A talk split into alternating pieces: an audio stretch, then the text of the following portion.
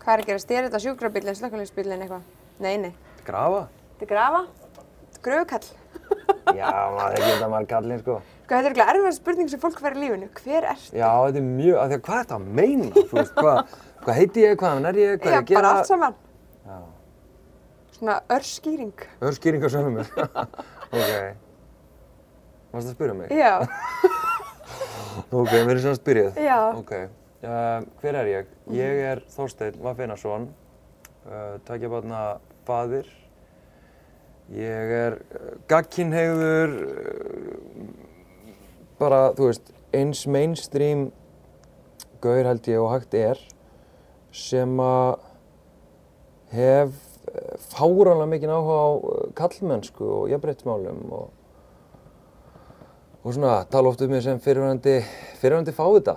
Þú hefur sagt það ópenbarlega að þú varst kannski pínur svolítið svona andfeminískur. Já, já, já, ég var Þú mikið, varst í fótbolta. Já. Hvað hva breytist?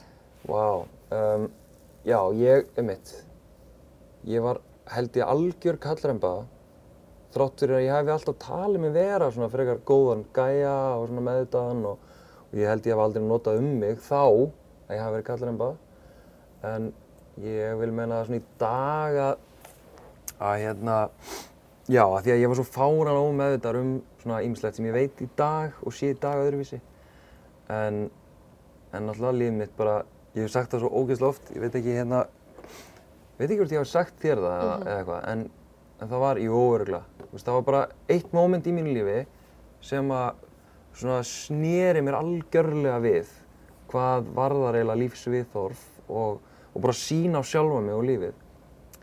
Og það er þegar ég naglalakaði mig með unglingstrákum í félagsmyndstöð árið 2014 og, og hérna, og síðan þá hef ég bara einhvern veginn ekki getað unseen einhvern veginn uh, það sem að gerðist þar. Þegar, þegar ég fór með naglalakið einhvern veginn þessi fótboltastrákur, þessi gagkinnhegði kallrembulegi fótboltastrákur fer aftur út í lífið með naglalakið og mæti vinnum mínum og fjölskyldu og, og bara fer út í búð og, og hvar sem er að sjá fólk horfa á mig með þessu augnaráði og, og koma með þessar aðtúarsendir sem að veist, ég hafði aldrei fengið þessar aðtúarsendir, bara aldrei Hvernig þið voru þetta?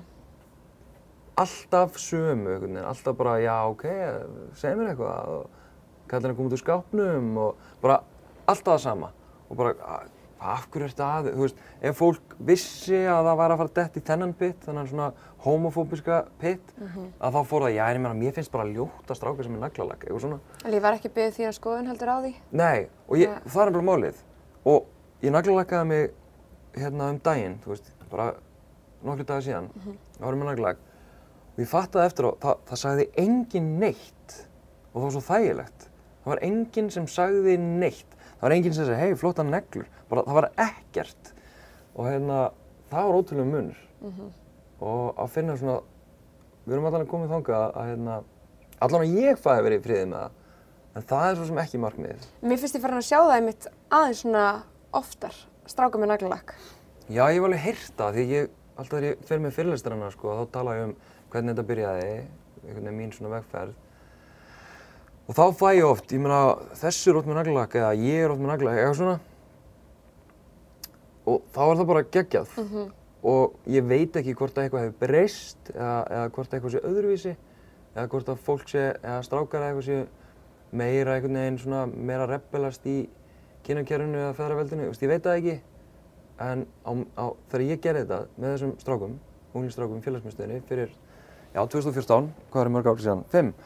Á þá, hérna, þú veist, þá var þetta bara eitthvað major dæmi. Við vorum bara að brjóta einhverja major, hérna, kynjareglu og fólki fannst það virkilega skrítið og óþægilegt. Eins sko lítill hlutur og naglalakk. Einmitt. Það er magna hvað það getur haft mikil áhrif. Já. Og þú ákveður hérna í kjölfari að fara af stað með átak á Twitter. Karlmennskan. Já, hashtag kallmennskan. Sko það kemur alveg nokkrum árum setna, það kemur alveg fjórum árum setna. Ok. En, en þetta er klálega mjög tengt af því að upp frá þessu naglalagstæmi í, í félagsmyndstöðuna þá, þá er ég alltaf bara, þá er ég að leita að uh, snertifleti við menn eins og mig eða stráka eins og mig.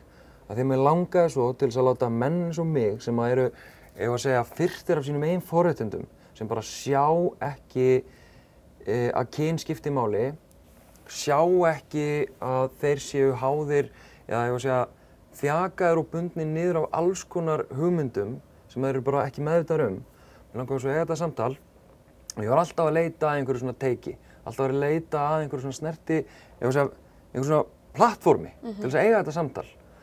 Og ég hafði skrifað svona nokkra písla, sumir, þú veist, voru eitthvað svona, já, já, fólk eitthvað, varst áhugavert. Og, en ég náði aldrei svona einhverju, já, einhverjum snertifleti og vingun okkar Sigga Dögg var hérna á þess að eitthvað að neymdropa, kannski reyða því, en þú veist, hún er vingun okkar. Já. Hún var alltaf svona ít á mig eitthvað, af því að ég var að vinna í félagsmyndstöðu mitt og hún kom oft til okkar eitthvað með fyrirlestra og þú voru að gera eitthvað með þetta og, ítti mjög mikið. Og hún má alveg eiga það, hún ítti mjög mikið. Þannig að, hérna, og mér þess að pluggaði mér fyrsta svona fyrirlesturinnum, Ok. bara herru þessi gæði flót, hann með fyrirlestra. Og ég var ekkert með fyrirlestra þá, þannig að hún þrýsti á að ég myndi gera eitthvað með þessa fyrirlestra, ég er að fóra úr einu í annað hérna, sorry, Allt í góðu, bara endilega. hérna, ok, akkur fór ég að tala um Sigurdögg, hún fór að íta á það að kom, fara að stað með hugmyndin og þú vildi þetta plattform. Já, einmitt, ég var alltaf að leita að strákum. Ok, fyrir aðeins tilbaka. Já. Ég var að leita á plattformi.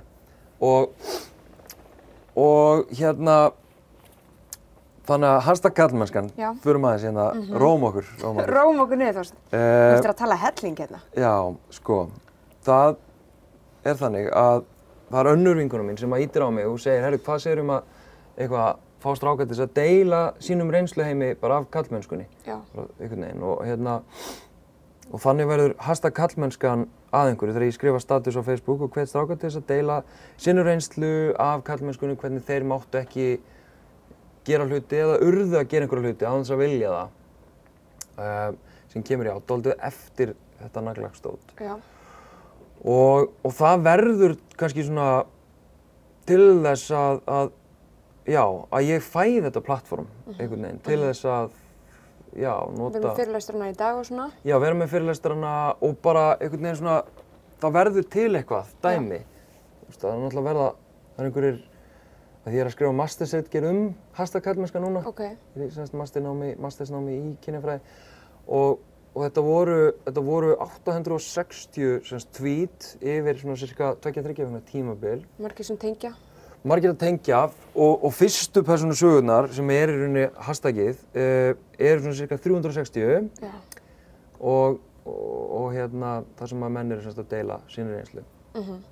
Um, og þannig er þetta held ég líka bara þannig að kannski fyrir þennan tíma vorum við ekkert endilega komið með uh, orðaforðan í að geta bent á, heyrðu eins og til dæmis, þetta er eitruð karlmennska Já, og svoleiðis. Mér langaði, ég tók saman nokkur hérna tweet sem Ok. okay. voru í þessu, bara sem ég langaði aðeins að lesa upp þannig að fólk kannski fái aðeins skýrari dæmi um það hvað menn voru að tala um. Og það var til dæmis þetta hérna, uh, ég var þjakaður af vanlíðan á mínum úlingsárum. Mér leið það illa mér langaði ofta að deyja. Í staðan fyrir að leita mér hjálpar sálfræðings, þá fór ég að brjóta af mér til að lenda hjá skólasálfræðingnum. Þorði svo ekkert að ræða við hana nýja sína tilfinningar. Uh, annað dæmi, mér finnst Baileys ógeðslega gott. Panta það samt helst ekki á bar af því að hashtag karlmennskan. Þetta eru kvenlegir og karl, karlmannslegir drikkir. Mjög áhugavert. Annað dæmi, um, jú, jú, ég mátti alveg fara, fara í saum í áttundabæk, en smíðakennarinn spurði hvort ég væri kettling. Uh, og svo er hérna það sem að þú tvítaði sjálfur og það er ég játaði í hver skipti sem ég tjái mig með feminisma eða gegn eitraðri karlmennsku svitna ég köldum svita um hvers konar haturs viðbrögð ég muni fá þó ég þykist vera grjótarður og það var líka við um þessa færslu. Þetta eru alls konar mismunandi dæmi um mismunandi vandamál en í rauninni samt bara hvernig það er búið að reyna að fá karlmenn til að sko svona dempa niður allar tilfinningar og festa sig kannski svolítið inn í þessu karlmennsku boksi. Um, heldur að margir karlmenn tengi við þessa pressu? Ég held að allir kallmenn, bara ég ætla að alhafa, ég held að allir kallmenn sko geti ekki komist undan þessum kallmennsku hugmyndum. Uh, Saman hvort þú sko farið gegn þeim eða fylgir þeim, á þess að vita það kannski, eða bara fylgir þeim og veist og þú ert að fylgja þeim. En ég held að enginn, og sama leit, að sama skapi uh, getur engin manneskja komist undan í að taka, taka afstöðu sko með það gegn hvern hugmyndunum, hvernleika hugmyndum. Einmitt. Pressa þar líka en ólík. Já, og þetta er ólík, já, ólík, en þau eru svo nátengd Já. og það, einmitt, kom ótrúlega uh, vel fram í Hashtag kallmennskan. Mm einhvern veginn hvernig er, hver- hversu hættur þetta er fyrir hinn alvöru kallmann að hvern gerast Já. eða vera eitthvað í líkingu við konu eða homma eða eitthvað ótrúlega áhugavert. Já. Og eins og þú nefndir með bælinguna, að ég er aðeins að byrja að skoða þetta núna svona í tengslu við reitgerina mína, ég er ekki komin langt samt, eh, en það er einmitt þessi bæling á tilfinningar, á hegðun, á áhugamál, á, á útlit, á viðhorf, á tónlistarsmekk, á bara allt saman. Þessi bæling, einhvern veginn, þú mátt ekki, þú mátt ekki vera eins og ert og þú mátt ekki vilja það sem þú vilt. Þú þarft einhvern veginn að taka til greina að, þú veist, eitthvað svona kallmennsku eitthvað sem er, sem er brjálæðslega áhugavert. Og við höfum einhverja hugmynd um hvaða þýðir að vera alvöru maður innan gæsalappa.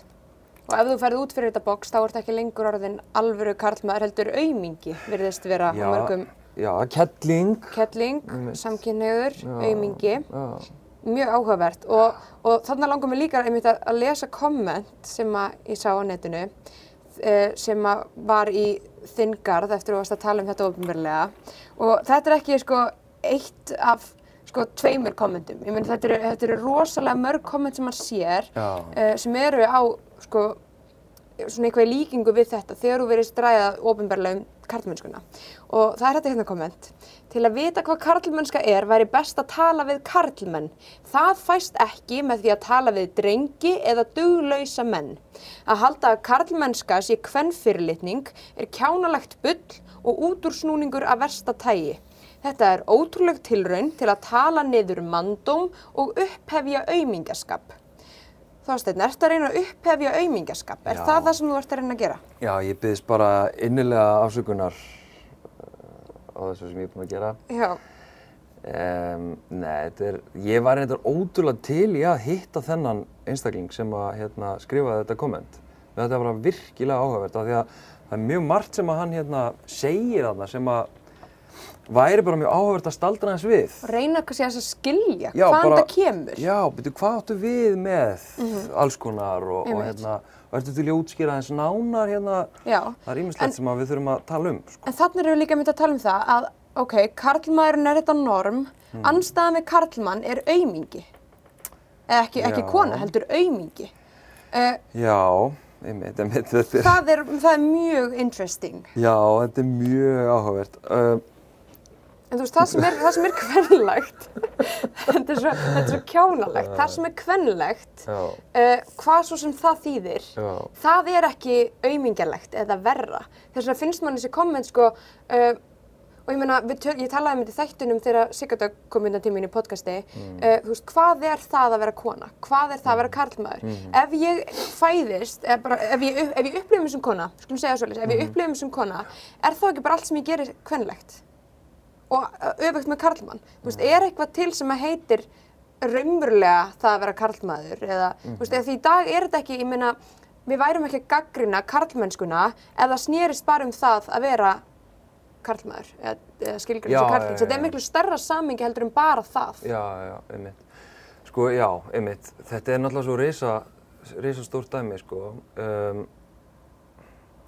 og einmitt, ég talaði um það í einum af þáttunum sem ég gerði með, með stundinni að hérna, já, hann talaði um það, hann Ingólfur Ásgeir Jóhannesson, prófessor, uh, að sko þessi hugmynd um kallmennsku uh, í rauninni er bara hugmynd sem hver og einn getur bara pikkað upp sem þýðir þá að, að kallmennska er ekki bundin við karlmenn, hún er bundin bara við einstaklinga sem þýðir þá að konur getur tekið upp kallmennsku og þegar við reynum að skoða sko, hvað er karlmennska á hverju byggjum við hugmyndunum að vera alvöru maður að vera ekki ve- þú skilur.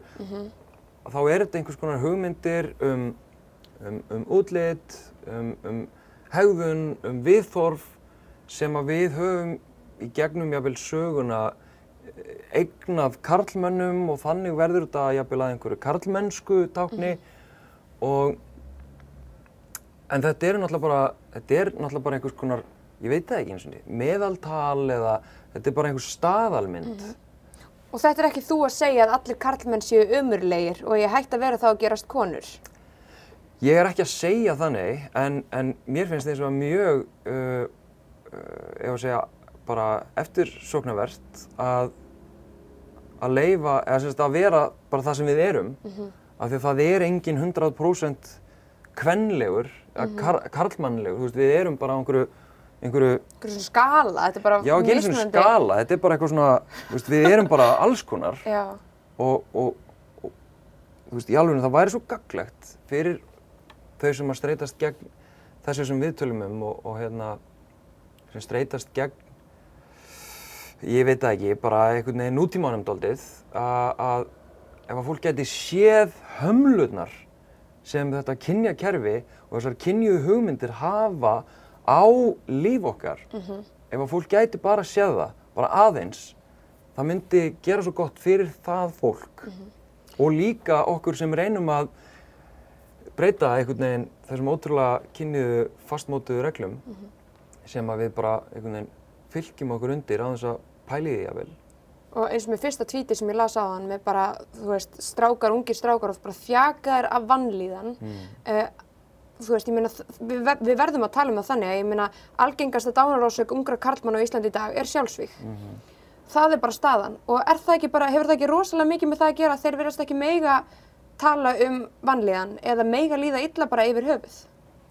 Já, sko, náttúrulega sjálfsvíður er náttúrulega alveg ótrúlega hérna einhvern veginn svona flókið fyrirbæri hef ég heyrt, ég þekki það ekki nákvæmlega sjálfur en, en ég hef bara svona heyrt í umræðinni að, að, ástæðan fyrir einhver velur eða tekur sér stegi líf veist, eru alls konar Já. en ég hins vegar tel að við getum alveg sagt að, að það hljóti að vera einhver partur af þessum kallmennsku hugmyndum sem spila eitthvað hlutverk.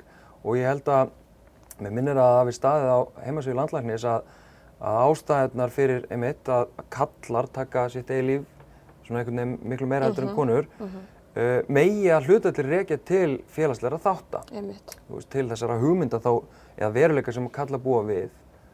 Uh, þannig að, og ég meina við lærum einhvern veginn eða við innrætum hjá drengjum og hjá kallmönnum að hætti þessu væli að harka af sér að, hérna, að alvöru menn sko gráti ekki og eitthvað svona alls konar svona. Og, og það þýðir þá við, að, við eigum ekki að velta einhverjum tilfinningum fyrir okkur, við eigum ekki að vera einhvern veginn að staldra við svona væl Já. og þannig að mér finnst ekkert skrítið að, að það sé fullt af kallmönnum sem að uh, hvað ég segja, sem verða af því sem missa af því að, að, að rækta tilfinningarlíf sitt og þegar þeir kannski lenda í ég veit ekki, einhverju öng, öngstræti að, að þá er engin, einhvern, engin bjargráð til þess að díla við allar þessar tilfinningar og veist, við megum ekki viðkjanna að við einhvern veginn erum í vesenni og okkur vantar hjálp af því alveg maður, hann stendur á eigin spýtum og Þannig er aumingjastempillin aftur komin, sko. já, einmitt Um, og ég reynir svolítið, sko, veist, mér finnst, mér finnst erfitt að tala um karlmennskuna sem kona. Mér finnst erfitt að fara inn á, inn á það level. Mér finnst ég ofta ekki eiga rétt á því að því að einmitt, ég upplifa ólíka pressu heldur en karlmenn í þessum heimi og bara ólíka hluti. Minn raunveruleiki er oft bara ólíkur hérna, einmitt, körlum. Um, og ég finna til dæmis þegar ég er að fara með fyrirlestur og svona, ég forðast uh, og ég veit ekki hverju, uh, einhverjum óta, en ég forðast hérna, oft svona þessi svona uh, stóru hugtök eins og til dæmis forréttindi eða eitru karlmennska, kynjakerfi, uh, feðraveldi, feminismi, eða þú veist ég reyndar ég er alveg að tala alveg um feminisma, en þetta er svona, svona stór orð sem að margir virðast hræðast, Algjörlega. en er í rauninni, þau eru ekki slæm. Þú veist, og það er útrúlega gott fyrir okkur og mikilvægt að hafa þessi orð og ná einhvern veginn svona að uh, bara benda á hlutina, þú veist, Já. geta gert það með þessum orðum, eins og til dæmis, til dæmis orðið feðraveldi. Uh, getur þú aðeins kannski farið yfir að pínu hvað svona fyrir þér, hvað feðraveldi þýðir fyrir þér? Já, vá, þetta er náttúrulega risastórt. Þetta er risastórt. Eh, En mér finnst ótrúlega mikilvægt að, að við notum þessi hugtök sem að lýsa veruleikanum okkar. Séum kannski ekki svona hrætt við það? Nei, en það er mjög skiljanlegt af því að það er ótrúlega margir sem að einmitt uh, finnst feðraveldi vera umulett orð, vond orð og hérna vera, hérna, vera að koma óorði á kallmenn eða feður, Mhm. það er svo áhugavert. Um, sko, fyrir mér, sko, sko leiðbyrjandi minn í meritgerina, Þorgerður Einarsdóttir, hún þýtti feðraveldi, eða sem sagt patriarki, ekki sem feðraveldi, heldur sem kynjakerfi. Ok, Þannig að, þannig að, og stundum er það gert að, að við notum, nú tala ég sem einhver fræðimaður, sem, ég- sem ég er ekki, en ég er að læra að vera það. Eh, þannig að kynjakerfi og feðraveldi er, þannig sé kannski sami hluturinn. Eh, það er einhvers konar, og ég ætla ekki að fara mjög fræðilegi, ég heldur meira svona eins og ég skil það, að feðraveldi, að kynjakerfi, það er svona oft talað um annarkvort eða bæði að feðraveldi sé þessi, þessi arfleifð af því að kallar voru einhvern veginn við völd og, og, og réðu og, og hérna, veist, þannig að það er svona eitthvað sem erfist, veist, þetta feðraveldi og þannig er, veist, ég meina, bara Íslands samfélagi byggt upp af mjög svona djúpum feðraveldisrótum þar sem að kallar einhvern veginn mótuðu samfélagið fyrir aðra kalla. Yfirleitt að því að ég meina í lögunum okkar var bara bannað að vera hommi. Það var bara bannað að, sagt, að, að sofa hjá öðrum kallmanni til dæmis það var bara bannað. Uh, og, og, þau lög sem dæmi voru ekki ánuminn fyrir sko 1940 uh, veist, þannig að það eitt dæmi um hvernig sko já, svona homofóbist samfélag þetta, þetta verður til út af einhverju. Þannig að, hérna, sagan okkar er einhvern veginn svona að, að hérna, gagginir kallmenn byggja það upp daldið fyrir sjálfa sig út frá þá sínum reynsluheimi og, hérna, og sínum sjónar, sínu sjónarhóttni á lífið og konur voru, þú veist, þær áttu bara að vera heima veist, og, hérna, og kallin var húsbóndun á heimilinu og eitthvað svona og konan, þú veist, mátti gera þetta. Konur til dæmis hafði ekkert aðgengi að hinu ofinbæra lífi og, þú veist, og hérna, ok, ég er komin hérna Nei, aðeins þetta er gott, þetta er gott. En hérna, en svona ef ég fer bara á, á svona minn hversdagslega skilning á kynnakerfi, þá er þetta bara þessi, þessi hugmynd sem að býr innan með okkur, aðeins að við þurfum að gera nokkuð í því. Bara ég veit nákvæmlega hvernig það er að vera maður, veist, hvernig ég á að vera. Ég bara veit það, ég vakna mótnana og ég þarf ekkert að pæla í því, hérna, byrjum við varalitur, já, nei, eitthvað svona, skilur, ég bara, og þú vaknar og þú veist nákvæmlega, ég meina, þú ert með varalit og þú ert búin að gera eitthvað augun í þér og þú ert með, hérna, skilur, þú, þú ert einhvern veginn allt, þú fórst í gerum eitthvað allt annan prósess heldur en ég Já. til að koma hingað Jep. og hérna og þú hafðir þannig séð ekkert hérna, fyrir því að hugsa hvernig það ætti að vera Af því ég er líka gaggrínd öðru sig heldur en þú fyrir þessa hluti. já, svo, það er síðan önnur einhvern veginn umræða sko. en, en, en það kynjakerfið það byggir á þessari tvíhyggju þessari kynja tvíhyggju að kynnin séu bara tvö, það sé kallið að kona þú veist, bleika blábóksið og svo eignum við sitt hvoru kynina því að það er ekkert svirum til þess að vera eitthvað mitt á milli Nei, nei, einmitt. að hérna alls konar einmitt, hegðun, útlit og ég meina þetta ákvarðar í rauninni tækifærið þín í lífinu, þú veist, hvað þú, í rauninni hvers þú mátt vænta í, í framtíðinni. Uh, ef ég fyrir aðeins síðan á sundugurinn kynjakerfi og feðraveldi, eins og ég skil það að kynjakerfið setur einhvers konar regluverk svona átt þú að haga þér, ertu kona að kall, svona átt að haga þér, uh, þetta máttu fíla, svona áttu að klæða þig, allt þetta, svo, svona eru viðþórið sem máttu hafa, eitthvað regluverk, svona lögin, að menna feðraveldið, þú veist, þetta er ekki sko fræðileg skilgreining, en ég er svona upplifðið þetta aldrei svona, að feðraveldið sé uh, einhvern veginn svona fortíðar draugarnir sem að einhvern veginn aga okkur, svona lögreglan sem agar okkur til þess að fylgja þessum reglum. Þannig að kynjakerfið er þessar reglur, ég meina feðraveldið, það svona er lögreglan sem að hérna passar, hei, að ég meina þú finnur það sjálf, að þú fer gegn kynjakerfinu, þá er einhver rödd inn í þér, eitthvað svona, hei, ó, er ég, er ég hérna of eitthvað, er ég of kvenleg, er ég of kallmannleg? Nei, menn þannig er þetta líka bara, þú setur á þau naglalakk, ég snóða mig. Já, já, já, Það eru við strax farin að fara einhvern veginn út af þessu normi um það hvernig við eigum að hafa okkur að líta út. einmitt, Og þá, maður finnur það samt líka, þú veist, af því að þannig er þetta oft, sko, það er erfitt að sína fram á það með einhverjum staðrindum eða sönnunum að, þú veist, svona raunverulega er þetta, maður fær viðbröð þegar maður fer út fyrir, þú veist, þennan ramma sem maður er ætlaður, sko.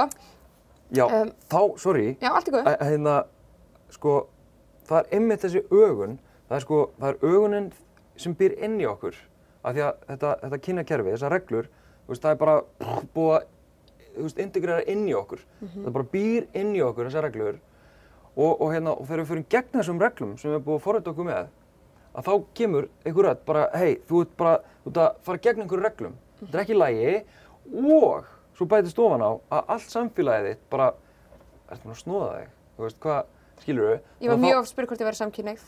bara eftir ég klifti mig. Einmitt, og ég eitthvað, þú veist, hvort ég sé komið út úr skápna af því ég er naglalakkaður, eins og allir hommar séu með naglalakk, þú veist, það Já. er bara örgulega öfugt eða eitthvað.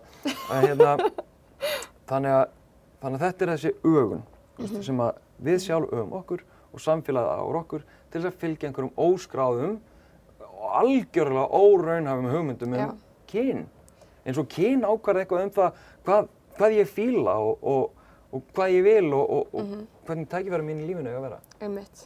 Þú fæðist ekki inn innan heim og ert bara eitthvað heyrðu sem karlmaður þá verður þú dæmdur fyrir það að vera með naglalakk. Einmitt. Mér finnst þú geggjað þá steinn að geta verið bara kona og karlmaður að ræða þessar hluti án þess að sé eitthvað svona stríð á milli. Af því Já. að við erum að ræða þetta frá mismunandi vinkli en í raun og veru erum við með sammeilegt markmið.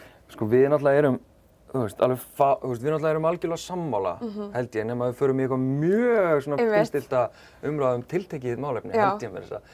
um, sko, já, þannig að, þannig að við erum ótrúlega sammála og, og hérna, og það er oft, mér finnst mjög bara næs að eiga stundum svona samtöl, af því það er mjög algengara að, að fólk sé, sem sagt, ekki all, þú veist, það lítur stundum á mig sem svona, já, ég kannski ekki alveg þarna, en svona, ég er svona næstu í Skil sammála þér. eitthvað, skil eitthvað hjá Já, þér. já, já. Einmitt. En ég held að segja mitt bara þetta, þú veist, að við eigum svo erfitt með að gaggra okkur sjálf. Mm.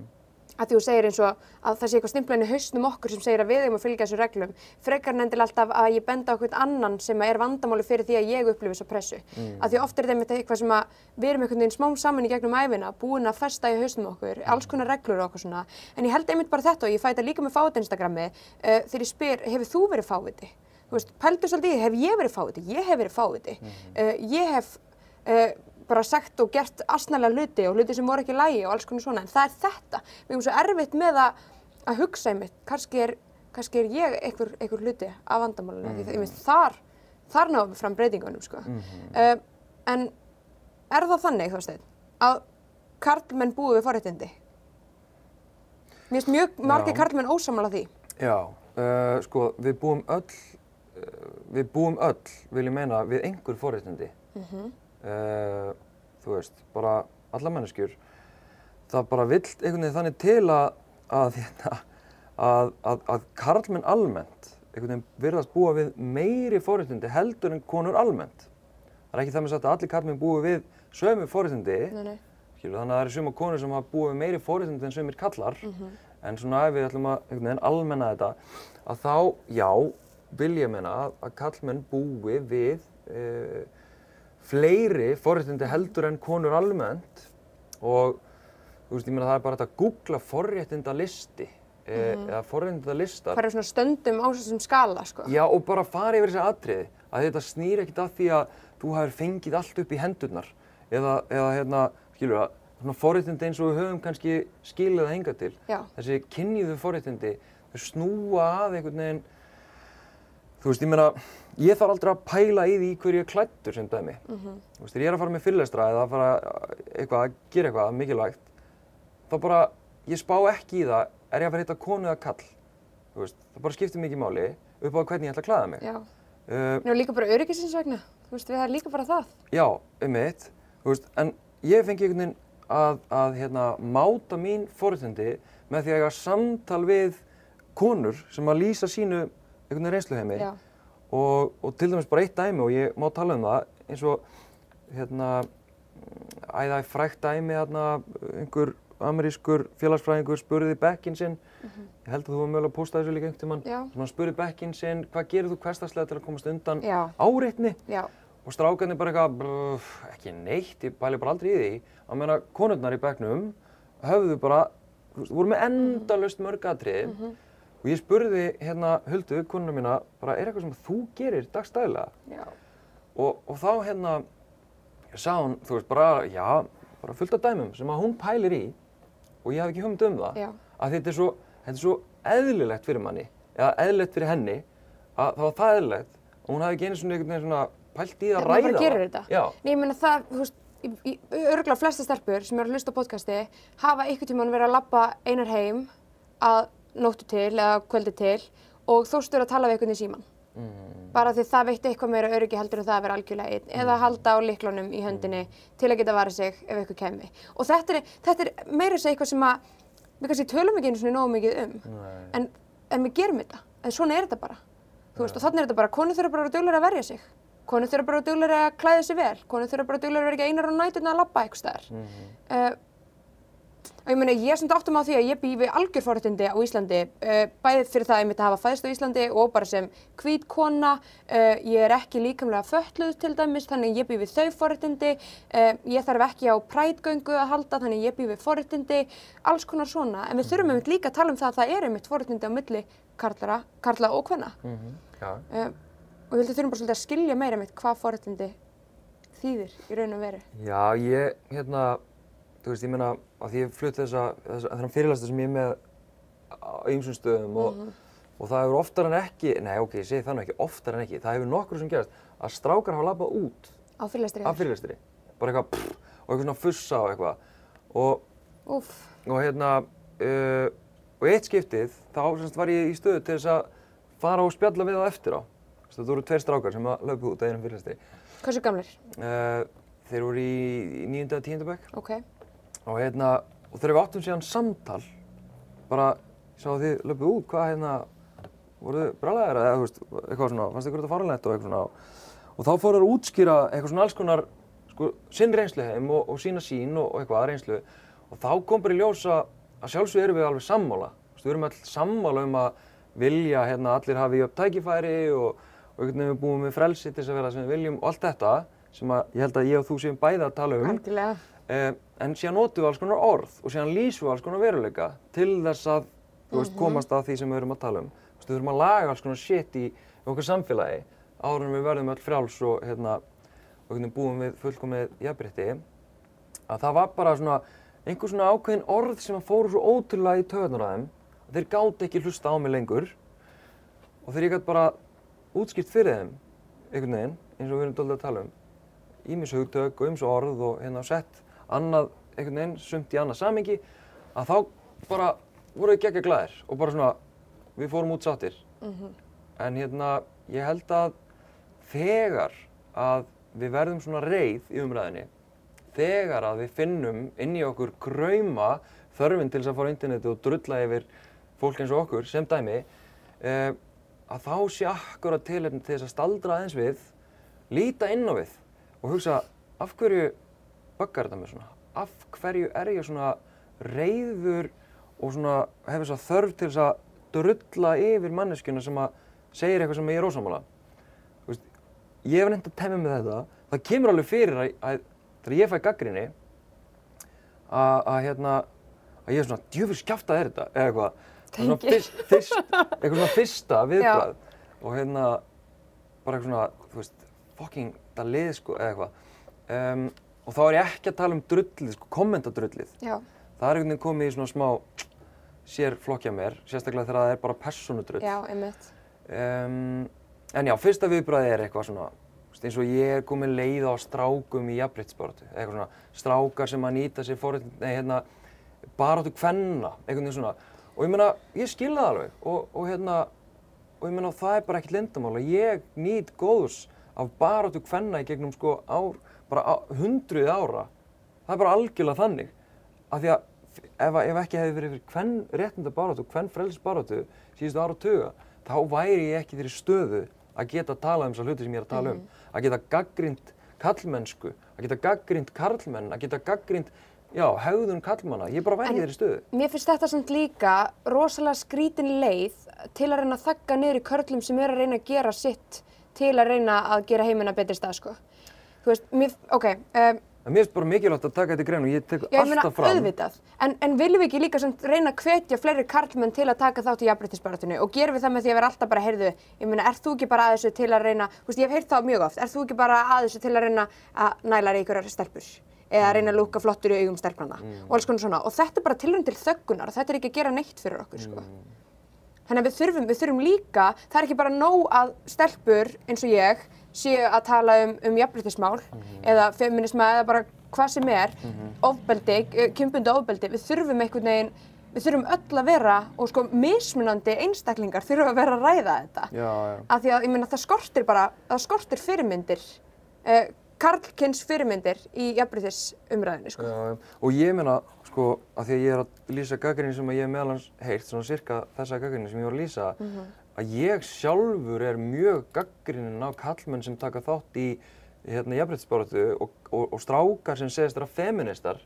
Sko, ég er gaggrinn á það. Ég er svona, byrju, er, er það, ertu, þú veist, í alvegni. Ok. Og hérna, að því að það er svo auðvelt að, að hérna, að því að það er svona semi-PC í dag að vera feministi, þó að það sé líka svona, að ég er kannski ekki, veist, ég, er alveg jafnbrytsinni en, en kannski ekki feministi. Eða ég er, jú, ég er feministi en ég er ekki öfgafeministi. Þú veist, það er eitthvað svona, einhver aðgreining. Jú, jú.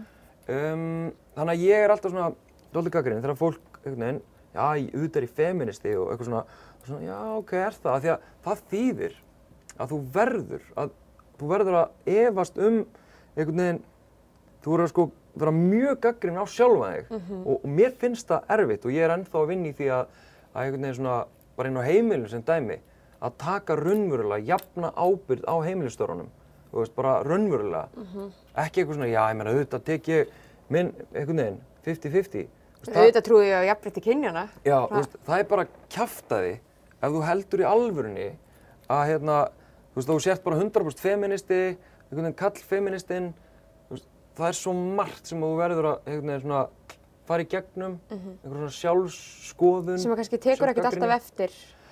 Nei, og, sjálfum sér. og ég, það er mjög margt sem ég veit að ég á eftir að sjá og ég á eftir að læra og það er örugglega margt sem ég hef sagt og gert bara núna síðasta árið sem að, þú veist, ég mun ekki gera aftur af því að, skilur, ég bara sá það ekki í því samengi en hérna, en já, en ég er mjög gaggrinn á, á menn sem að segjast vera feministar af því að, þú veist, þá þýðir það, þú veist, þá þýðir einhvern veginn, þú ert þá í alvörinni feminist, þú getur ekki Já. verið svona feministi og smá kallremba einhvern veginn, nema að vera um gangast þá við því.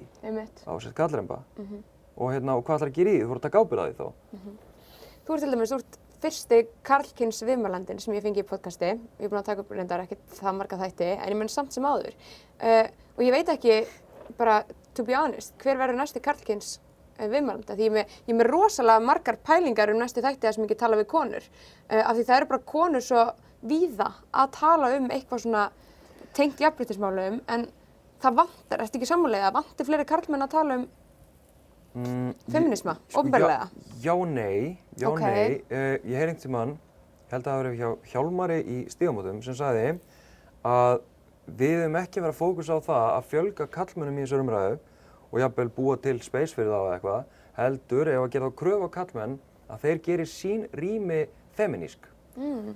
Að þeir taki baráttuna á sínum vettvangi. Ef þeir hafa áhuga á að taka þátt í jafnbreytisbaráttunni. Þetta Bergurabbi nefndi þetta líka í þáttánu þínum, eitthvað á þetta, þessa, Já, þessa vegu.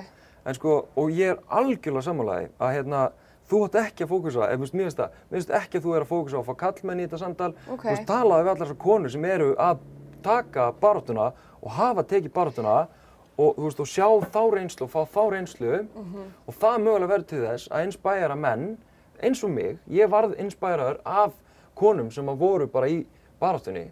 En sjáðu sem hvað ég er þarna kannski líka ómeðvituð að vera eitthvað, ég verð að hafa hlutfalli jafnt. Já. Af því að við erum konur og alltaf marga þá verð ég að, Já. þetta er ógustlega grilla samt sko.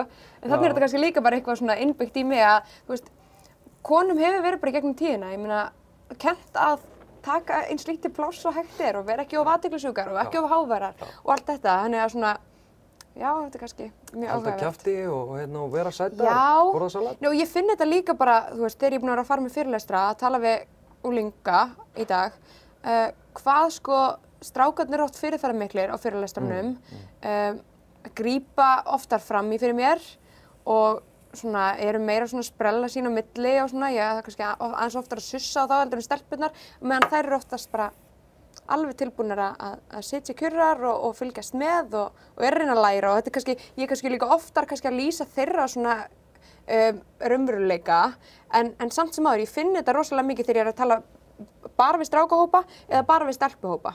Hvað svona, þetta er, þetta er, þetta er rosalega ólíkt. Strákunir er alveg til í að styrla aðtekli. Þeir eru alveg tilbúin að vera bara, bara miðpuntur aðteklinar mm. og meðan stelpunar þær eiga erfiðara með það. Af því að það hefur líka bara verið þannig gegnum tíðina stelpur sem að eru í svona sviðsljósinu, þær eru aðteklisjúkar, þær eru stjórnsamar, þær eru frekjur og svo eru það gaggrinda fyrir að hvernig það lít út. Já, nákvæmlega. Þetta er svona, Ég tek þetta bara, ég bara tek nákvæmlega þetta dæmi hérna á einni glærinu minni, sko. Og, og það var einmitt þarna sem að þessi strákar gengu út, já, þessi tveir sem ég nefndi aðan, að þá var ég semst með bara mynd af mennsbreyting hérna í, hérna, í hvað heitir það, neðanjarar lestunum í New York, þú veist, Ok. það þaðan sem þetta kemur einhvern veginn. Nefn að ég er ekki að tala um sko mennsbreyting, þú veist, sem það dæmi, heldur nákvæmlega þetta, þessa plássfreki og þetta eignarhald drengja á rými og hvernig einmitt kennarar, til dæmis í skólastofu, þurfa einhvern veginn að alltaf að vera með aðdeglina á strákunum. Það er eins og, og það er ekki út af því að líffræðin hafi, skilur Mhm. ég bara, það er bara ekki séns að ég trúi því, nei, ég samanlega. að, líffræðin sé svona mikill einhvern veginn orsakað Hún hlýtur að spila eitthvað þátt en ekki 150% sko. Ég er bara efast um að í alvörinni að líffræðin hafi eitthvað með þetta að gera. Nei. Bara þetta sko. Þetta hérna, taka rýmið og eiga rýmið og eitthvað. Mhm. Ég er bara, ég, ég efast. En við sjáum þetta líka bara strax á uppeldi ungra stráka og ungra stelpna, hvernig við tölum öðru sig ólíkt við, við þessa einstaklinga, sko, þessi börn. Algjör, um að við segjum stundum, kyn skiptir engum máli fyrir mér. En samt er fyrsta spurning sem fólk fær sem er ólétt, veistu kynið? Já, Okkur ætla það sé ef að kyn skiptir í alvörinni við erum að engum sjá babyshower út um allt okkur um einustu degi, annarkvort bleikt eða blátt. Mm. Það er rosalega áhugavert. En, svo, en ég meina, breytist, breytist eitthvað raunverulega? Ég meina, þarftu að ala barnið þitt ótrúlega ólíkt upp eða, ég meina, jú, jú, við þurfum kannski að undirbúa fólk fyrir ákveðin veruleika þegar mm. börnum verður síðan að fullotnum einstaklingum. En unga börn, e, þú veist, þetta er bara, þetta er bara barn. Já, já, já, veist, ég aðhyllist sko þessu, þessu, hvað ég segja, hérna það að við mótum einhvern veginn veruleikan okkar í gegnum uh, orðræðina, í gegnum einhvern veginn viðþorf, viðtekinn viðþorf og þessa hegðun og eitthvað og við erum alltaf bara að endur skapa, þú veist, þetta víti okkar, við erum alltaf að endur skapa við halda þessum kynju valdatengslum, við halda kvenleikunum, við halda kallmennskunni, og ég mitt, og ég hef oft heyrt að, sérstaklega þegar ég tala til þess við foreldra, að þá er það eitthvað svona, veist, að þá er það, sem sagt, foreldrarnir hrættir ef að til dæmis strákurinn þeirra e, vill vera einhvern veginn svona kvenlegur að feminin, þá, þá hræðast þau að hann verði undir, að honum Já. verði stríkt, að hann verði, skilur, ekki tekin inn í samfélagi uh, alvöru manna eða eitthvað svona. Þannig að við erum náttúrulega líka að smita okkar hugmyndir á börnin okkar. Já. Þannig að þetta, það er ógæslega erfitt að hérna, einhvern veginn að eyða þessu. En En um leiður komið þessi orð, þá held ég að það sé rosalega stórt skref. já, Um, þegar þú ert að fara með fyrirlestra, já. uh, ertu að fara oftast með í grunnskóla eða er það mismunandi? Sko, það, það var dálítið svona tímabilskipt hjá mér. Uh, ég er náttúrulega bara búinn að fara með þessa fyrirlestra í, sko, síðan í, hvað, oktober á síðast ári, 2018. Þannig að það byrjaði rosa mikið í, í hérna, framhaldsskólanum, í mentaskólanum. Það var eiginlega bara þar. Uh, svo fór ég í ein, eina félagsmyndstöð og svo fór ég bara í ógeðslega margar félagsmyndstöður og, og, og grunnskóla. Og svo hef ég farið í svona, já, örfáa uh, vinnustæði eða svona stofnanir. Og er þetta blandaðir hópar? Þetta hefur eiginlega alltaf verið blandaðir hópar, já, nema í uh, einhver nokkur skipti. Þá var þetta bara strákar. Hvernig eru viðbröðin þegar þú ert að fara með þetta? Því ég, ég, ég fylgst bara með kommentakerfum og ég fylgst með svolítið svona orðuræðinu bara í kringum mig. Mm Um, og mér finnst fólki að rosalega erfitt ennþá að því þetta er tiltölulega nýtt að við séum að veist, með þessi hugtök, eitur karlmennska til dæmis og kynjakerfi og þetta. Hvernig eru viðbröðin bara þegar þú ert að tala við svona unga krakka? Já, mér finnst einmitt sko þægilegast að tala við hérna, sem sagt, krakka sem eru búnir í grunnskóla bara því að reynsluheimurinn þeirra er einhvern veginn aðeins svona, þú veist, þau hafa smakkað á raunverulegum kynjavaldatengslum og vita miklu meira bara, já, ég veit nákvæmlega hvað þú að tala um á meðan að ég þarf aldrei svona meira að útskýra ég þarf svona að fara yfir þú veist, þegar ég tala um kynjakerfi þá þarf ég alveg að útskýra það mjög djúpt. Já, og þegar ég tala um hérna kallmennsku, þegar ég tala um einmitt mennsbreyting og hérna ég tala um, uh, ég man ekki eins og hvað ég tala um, en ég, tala, ég fer svona yfir svona ímis element í karlmennskunni. Uh, og svona alltaf hérna refa ég fávitar, þú veist einhvern veginn, sem veruleik íslenska ungra stelpna og hvenna um, og svo náttúrulega fer ég líka yfir hashtagið eh, karlmennskan sem veruleiki drengja, en ég tek einhvern veginn hvernig karlmennskan einhvern veginn ætlar karlmönnum að vaða yfir mörk og í rauninu konur og eins líka hvernig þessi kallmennska veður yfir kallmenn líka. Já. En ég tek þess að tvo fókusa og mér finnst miklu þægilega að fara og tala við eldra fólk uh, en vissulega verður þetta aftur flókið þegar ég síðan komið með sko eldri kallmenn. Þannig að erfiðasta, hérna, erfiðasti hópurinn minn, svona að því þarf að útskýra svo mikið, eru kannski kallar yfir 50 og svo hérna unglingstrákar. Gamli skólinn, er erfiður í Já, þessu. gamli og glæni, Já. þú veist, það er eiginlega gamli og glæni kallaskólinn er Og glæni í erfiðastur. skólinn er náttúrulega bara að læra af gamla skólanum í rauninni. Já, já, Að já. einhverju svona leiti. Já. Hvernig finnst þú að tala við stelpur? Um, Það er svo skrítið að, að, að, já, bara hvernig konur, þú veist, og við erum ótrúlega mikið að kynja þetta núna, Já, en, já. en þetta er bara einhvern veginn staðrindin og mín reynsla að stelpur bara, já, tengja miklu meira einhvern veginn strax. Bara ég byrja að tala um eitthvað og bara, oh my god, þú veist, það, það tengja svo hart við þegar ég tala um svona byrtingamindir kallmennskunar í þeirra einhvern veginn nærumhverfi og bara allstaðar og hérna, ég veit ekki hvort það sé eitthvað svona eitthvað svona algjört sjálfspepp en þú veist, ég hef bara fengið ótrúlega jákvæð viðbröð við þessum fyrirlesturum og við því sem ég er að segja og eins og við hérna Facebookinu og Instagraminu. Ég hef bara fengið ótrúlega jákvæð viðbröð uh, svona almennt málefnulega um, en hins vegar hef ég eins og last upp áðan þá hef ég fengið ógrinni af skilabóðum uh, en yfirleitt er það eitthvað svona drull, eitthvað svona persónlegt drull eða einhver svona kommenta sem menn er finnst ég bara vera á bara mjög rángri vegferð í lífinu og, og hérna uh, Harð þú ekki bara að fara að smíða? mitt sko, þú veist, ég er náttúrulega ekki alveg maður, heldur, þú veist, einhver sojastrákur, Hvaðan kemur það? ég veit það ekki ennþá. Sojastrákur? Já, ég veit það ekki, þetta var eitthvað sem var mjög grimt í hashtag kallmennskan og einhvern veginn, já, ég, þú veist, þetta er bara einhver anti-kallmaður sko, Já. sojastrákur, Best að vera karlmaður í þessu lífi. já, alvöru kallmaður. Já.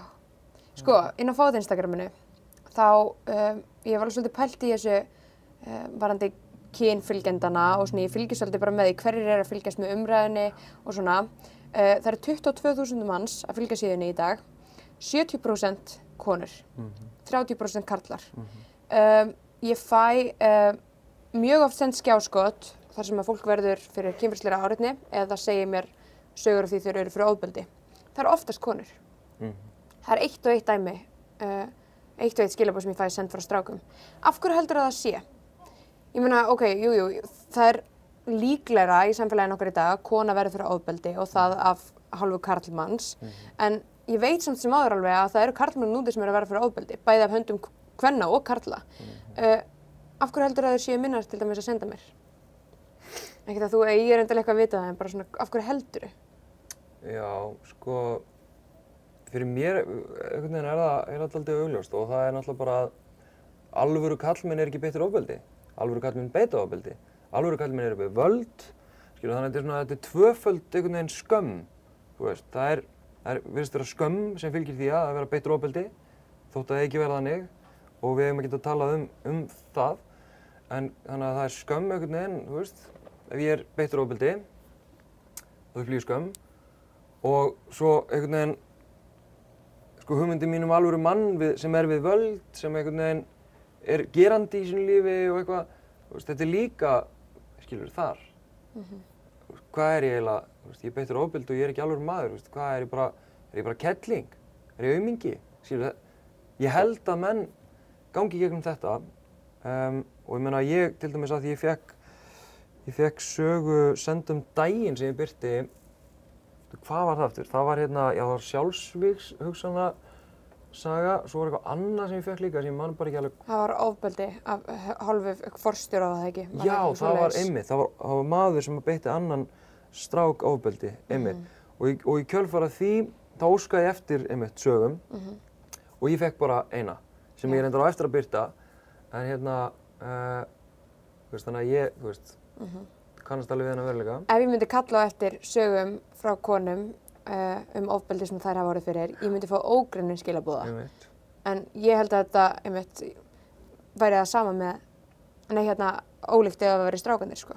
algjörlega, og það kannski líka, veist, við mögum náttúrulega ekki glemma því líka að ég held að það sé starrend að konur eru beittar ofbeldi frekar heldur en kallar, Mhm.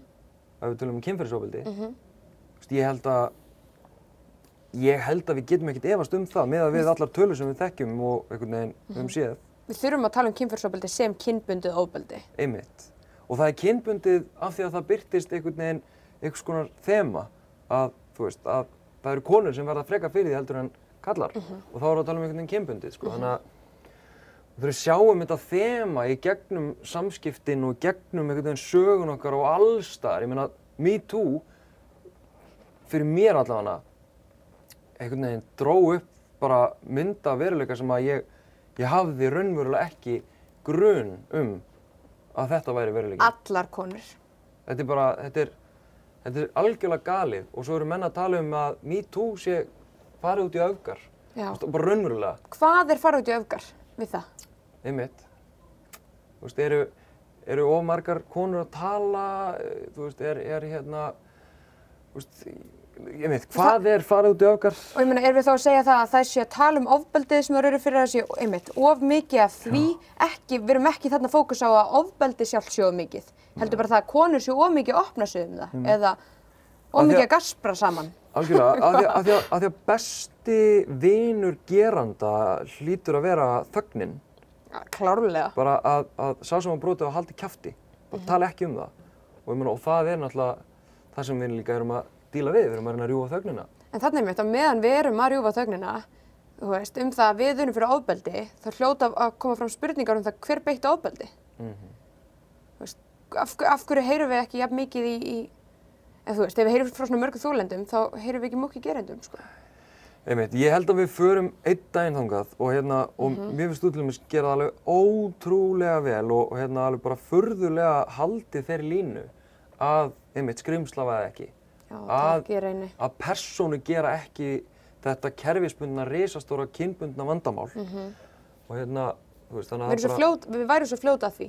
Og við hefum séð hvernig umræðan verður oft á tíðum þegar við erum um að tala um kynferðsofbeldi og, og gerendur að þá förum við mynd oft í þetta og það ég held að bara skil ekki, skil ekki neinu. Þú Veist, ég, ég, skil, ég skil reyðina og, og reyðina sem þú ert líka að tala um en við þurfum samt sem áður að líta á þetta svolítið í stóra samhenginu. algjörlega. Um, ekki bara eitt og eitt dæmi af því að ég meina ef við erum bara staldra við eitt og eitt dæmi þá bara erum við ekkert að komast neitt lengra held ég. Nei, nei, af því að umræðan hverfist á um einstakling. Já, frekar en hegðunina. Já, frek, já, frekar en hegðunina og frekar en, herru, þetta er ekki, þetta er ekki einstaklingsbundi vandamál. Já. Þetta er afleðing af einhverju hugmyndakerfi, af einhverjum, einhverjum veruleika, einhverju uppbyggingu á samfélagi sem að, sem að elur af sér þennan einstakling, skilur um mig, en ekki það að þessi einstaklingur, Fættist sem skrimsli. Nei, þú veist, við klippum ekki einhvern veginn bara einn arfa og bara við erum drullu góð. Mhm. Þú veist, við þurfum að alveg bara að fara í ræturnar og þú veist, annars bara mun þetta koma upp aftur, sko. Ég meina, ofbeldismenn, jú, það er alveg dæmi um ofbeldismenn sem að uh, er alveg á borð við eitthvað sem okkur finnst vera skrimsli, skilur ég. meina, það er fólk með alls konar, alls konar uh, styrlaðar hugsanir og svona í gangi eitthvað svona, en staðrindin er samt sem áður að of, ofboslega mikið ofbeldi er til dæmis uh, framið að ég held af því að fólk kannski oftast áttar sig ekki ofta á því hvar mörkin liggja og fekk enga fræðslu og held þetta ætti að vera svona af því ég sá það hjá öðrum einhvern veginn. Já, já, En ég held að við þurfum svolítið að tala um þetta svoleiðis og einmitt, já, fókus á heildamyndina. Annað sem ég langaði að hérna, nefna, bara einmitt varandi fáið Instagrami, að það er það að þegar ég byrti eitthvað í story til dæmis eða byrti eitthvað post uh, þar sem ég er uh, svolítið svona að kynja þetta, þá er ég annarkort að segja til dæmis boys will be boys um, eða ég er bara að tala um uh, réttindi kvenna eða eitthvað svoleiðis. Það gerist ekki að einhver strákur kom ekki og segi býtu hvað með okkur strákana eða tala nú út af frekar um þetta sem alla uh, en aftur á móti þegar ég tala bara til strákana það, það kemur aldrei neinn stelpa og segir býtu ætlar ekki að tala um okkur stelpunar líka og þannig er þetta heim, þessi sko ég ætla að segja frekja frekja í strákum að þurfa að fá alltaf pláss líka þegar einhver kona er að fá pláss og mér finnst, mér finnst gott, mér finnst pínum gott í hjartað að geta kallað strák frekju. En ég veist, ég, sko, ég veit ekki hvað ég hef oft verið kölluð frekja. Já, það. Já, mjög oft. Ég held ég hef aldrei heyrt það. Nei, Um mig, sko. nei, mjög oft. Aðtilsjúk, uh, bara stjórnsum, trekja. Já. En mér finnst þetta rosalega skrítið. Af hverju, þú veist, heldur þú að þetta sé? Já. Sko, bara sorry, að hann grípa aðeins fram í, en bara það þegar ég er að tala um kvennréttindi þýðir ekki að ég sé að taka eitthvað frá körlum. Mér finnst umræðan oft vera svolítið svoleiðis. Já, já. Hrættir við ég sé að taka eitthvað frá þeim. Já, já. Sko, ég reyndar alveg á því og mér finnst það bara í fullkonu lagi að, að, að hérna, þú veist, þó að, að jafnbreytt, eða sem sagt, hvað sé að, frelsi, þetta sé ekki einhver kaka og, þú veist, og eitthvað. Ef, ef, ef þú fær meira þá fær ég minna eitthvað. En sko, það er samt sem í þannig, það þýðir sem sagt ef að, ef að konur eiga, kærismundi, að fá jafnan rétt og hérna, þú veist, það sem feminismi gengur út á, hvern frelsi, uh, þá þýðir það að sjálfsögðu að kallmenn þurfa að gefa eftir í sumt af sínum forréttindum. Já. Forréttindum sko. Ekki af sínum hérna, einhvern veginn svona sjálfsögðu réttindum eða veist, það er ekkert sem þeir þurfa raunverulega að fórna. Það er bara þetta umframvald forréttindana sem þeir þurfa að láta af hendi. Og það er bara frekar óvinnsælt, skilur En, en sko ég fekk líka talandi um þetta af hverju strákar einhvern veginn, hverju talar ekki um stráka og eitthvað. Uh, af því ég fekk líka þetta, uh, sko, af hverju heitir þetta hashtag kallmennskan? Ég fekk alveg fleiri en eitt og fleiri en tvö skilabóð, af hverju skýrður ekki hashtag kallmennskan herrferðina eitthvað annað heldur en hashtag kallmennskan? Og svo kom alls konar, já eitthvað, svo kom eitthvað svona alls konar skýringar á því. Ok, áhugavert. Uh, og svo hérna fekk ég líka alls konar aðrar, hérna svona, já, svona alls konar aðrar aðtúasendur og gaggrinni á aðferðafræðina, eða hvernig ég ætti að beita mér eitthvað. Þú veist, getur fólk þá ekki bara gert þetta sjálft? Eða hefur svona briljant hugmyndir Veit einhverja að, nálgun? óh, Hérna, og það er líka ekki eins og það hafi verið einhver strategía hjá mér að byrja, ég hef líka fengið, hérna, getur þú kent mér að, starta svona, hérna, Já, svona hashtag trendi? ég líka. bara eitthvað svona eins og ég hafi í alvörinni verið heima að mér að plotta eitthvað svona dæmi. Þetta, þetta gerist, reynda að vera búin að pæla í alveg í þrjú ár, þú veist, kallmennskunni, en, en, en það að þetta hafi farið að stað þarna, þú veist, það er bara eitthvað svona, Það bara virkaði þá, skilur. Það bara gerðist já, eitthvað, já, skilurðu. Já. þannig að, já, en það er áhugavert hvernig, hversu margir hafa mm, sterkar skoðanir á Við því sem að bara, við þurfum að tala um hlutina eins og þeir eru. Já, Þú veist, fólki finnst auðveldra hvað ef þú gerir þetta bara svona, ef passa, styggja ekki þessa eða eitthvað svona. Já. En bara, þú veist, það fylgir því bara. Þegar við ætlum að reyna að breyta einhverju svona, svona stöðnuðu, einhverju svona viðhorfi eða stöðnuðu kerfi eins og er í dag, þá þurfum við að móðga eitthvað. Við Já. komumst ekki hjá því og það er líka samt bara þannig að það verða aldrei allir sammála okkur en það snýst þetta ekki um það. Við erum ekki í þessu til að fá alla til að vera bara eitthvað akkurat. Kannski gott eða sem flestir tengi við það en ég meina við getum ekki þóknast öllum í, umr í þessar umröðu, það er bara þannig. nei, nei, algjörlega, og ég meina, eins og last líka upp áðan, sko, með, að ég sé að gera þetta kallmenn á aumingjum og ég sé að aumingjavæða með umræðum kallmennsku og þú veist, mega strákar ekki bara vera strákar í friði og eitthvað svona. Um, veist, ég er akkurat einhvern veginn að, vil ég meina, þegar ég gaggrinni kallmennsku hugmyndirnar, þá vil ég meina að ég sé einmitt að, að sko, Leyfa þeim að vera. Já, reyna einhvern veginn að eiga þátt í því að, að strákar fá að vera það sem þeir vilja vera Já. og raunverulega eru kannski. En, en það, þessi kallmennsku hugmynd er fyrir. Þú veist, við þurfum aðeins að tala um það, kallmennsku hugmyndin. Og ég er nefnilega, ég er svona pínu hættur að tala um eitraða karlmennsku af því að fyrir mér er hinn viðtekna ráðandi hugmynd um kallmennsku. Þú veist, þegar við hugsaum um kallmennsku og þá eru svona myndir sem fáum. Hún er í sjálfu sér daldið eitruð. Af því að hún krefur stráka um þú veist, ákveðna hegðun við þorfið að útlit. Og þannig er hún bælandi, þingandi og eitruð. Þannig að hérna þannig að þú veist, en þetta er þú veist, ennþá óvinnsalla að segja að kallmennskan í sjálfu sér sé eitruð. En hérna en já, svona lítið á það sko Það kannski bara fylgir því þá bara eins og staðan núna kannski bara að vera pínu óvinnsæl að, að ræða þetta. Ég menn það hefur ekkert verið í gegnum tíðin alltaf þannig að, þeir sem voru að að, að augra ykkur svona ójabrytti eða eitthvað voru ekkert alltaf vinsælir einstaklingar. Nei, og líka, sko, sem að ég tala oft um líka, að ég er auðvitað bara að endurtaka eitthvað sem að hefur verið sagt marg, marg oft. Uh, ég veit ekki af hverju, þú veist, jú, það er alveg stað því að við höfum séð einhvern árangur í jafnbreytisbáratunni sem að, hérna, það er einhvern veginn rými til að tala um ábyrg kallmanna og, og, og rými til að tala um kallmennsku. Ég held að það sé ekkert í öllum löndum uh, sem að, já, ég held að ef ég væri eitthvað annar staðar á Íslandi, að mér, að ég væri með þetta, þessa rödd sem ég fengi í gernum einhvern veginn þessar umræðu, af því að á Íslandi er einhvern veginn, það er aðeins öðruvísi atmó, það er rými fyrir þetta. einmitt. Drátt fyrir að það séu alveg mjög margir kallmenn reyðir yfir þessu, en þá erum við samt doldið tilbúin og, og ég meina, við bara strákar eiga að vera tilbúinir til þess að svolítið svona setja spurningamerki við sína kallmennsku og, og velta upp sinni stöðu í, í samfélaginu. Mér finnst það. Hvað er svona markmiðið þitt með þessu öllu saman? Hvað er, svona, eftir nokkur ár, við, erum búin að, við erum búin að vera að ræða þetta í, baku fyrir, Já. hvernig viltu að samfélagi sé fyrir stráka og karlmenn? Og bara okkur öll í rauninni. Sko ég sagði hérna þegar ég stopnaði Instagramið þá þurfti ég að vera með svona eitthvað bæjá, eitthvað svona, eitthvað svona að segja eitthvað stutta lýsingu og ég bara hendið inn og það hefur algjörlega staðið ennþá, finnst mér og mér finnst það ennþá bara frekar, frekar gott og það er að frelsa karlmenn undan álögum karlmennskunar og þetta freymar svo margt sem að ég vissi ekki þá en veit í dag, til dæmis að karlmenn og karlmennska er ekki það sama. Karlmaður er ekki það sama og karlmennska. Þetta er bara gjörólíkt. Eitt er einstaklingur og annar hugmyndakerfi. Þó þetta tengist mjög oft.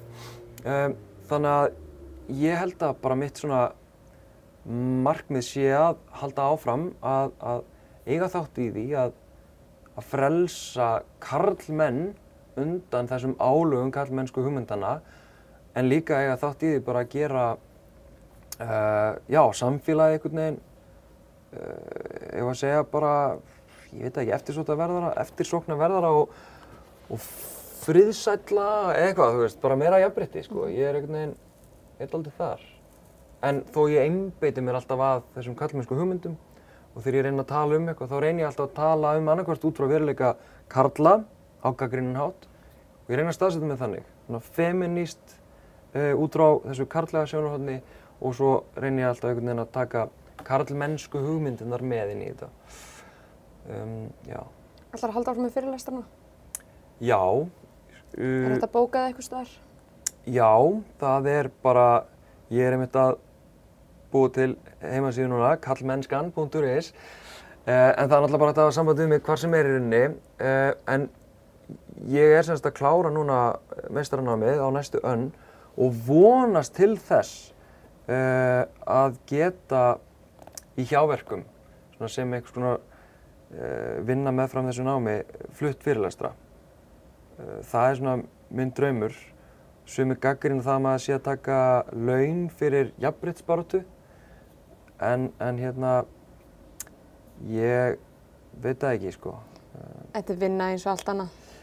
Já og Ég hef verið gagnrýnt fyrir það líka. Já, og þó að markmið sé náttúrulega að sko þú veist, ég vil ekkert eitthvað, hvað ég segja, stuðlað ójafnbreytti og eitrari kallmennsku til þess að ég hafi vinnu til þess að tala um það, skilur Nei, nei. ég er ekki að reyna það. Nei. Ég er alltaf að reyna einhvern að gaggrina kallmennskuna. En hérna, en já, ég allan í dag, þá langar mig að, að komast lengra með þessa fyrirlestra, því ég finn að þegar ég hef flutt fyrirlestur og átt þetta samtal, að, að það er allan að feedbacki sem ég fæ.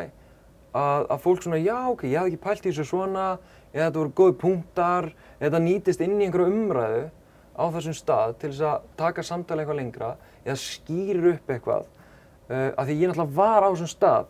Veist, ég var þessi kallremba sem að skildi ekki feminista og svo bara breytist eitthvað og ég fekk eitthvað, einhverja einsýn sem að ég algjörlega nota til þess að tala um þessi mál. Og mér langar ótrúlega mikið, ég veit ekki, ég hef gert það eitthvað að litlu leiti, að fara inn í fyrirtæki.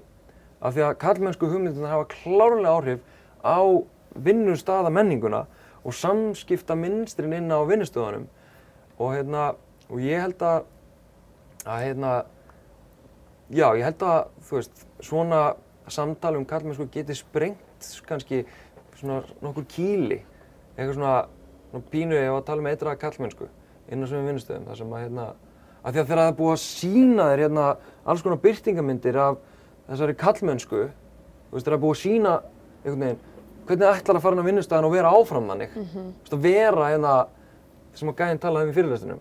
Ég held að það sé ekki hægt. Nei. En fólk getur hafa fylgst með þér á Instagram og Facebook eða hvað? Já, ég hérna reyna að vera svona virkur á Instagram, skann og, og hérna, já þar er ég svona mest virkur og, og hérna minna virkur á Facebook þegar ég hef litt bara svona hérna, hvað heitir þetta, share af Instagram. Já. Er það ekki megin miðlinn þinn líka? Jú, mann er til flestur á Instagram í, í dag held ég. Já. Ég held að vera svolítið þannig áfram. Já. Uh, ég læri alltaf ótrúlega mikið að þér Þorsteinn minn og mér er stróslega gaman að fá því. Takk fyrir að koma til Keflavíkur. Takk fyrir að bjóða mér.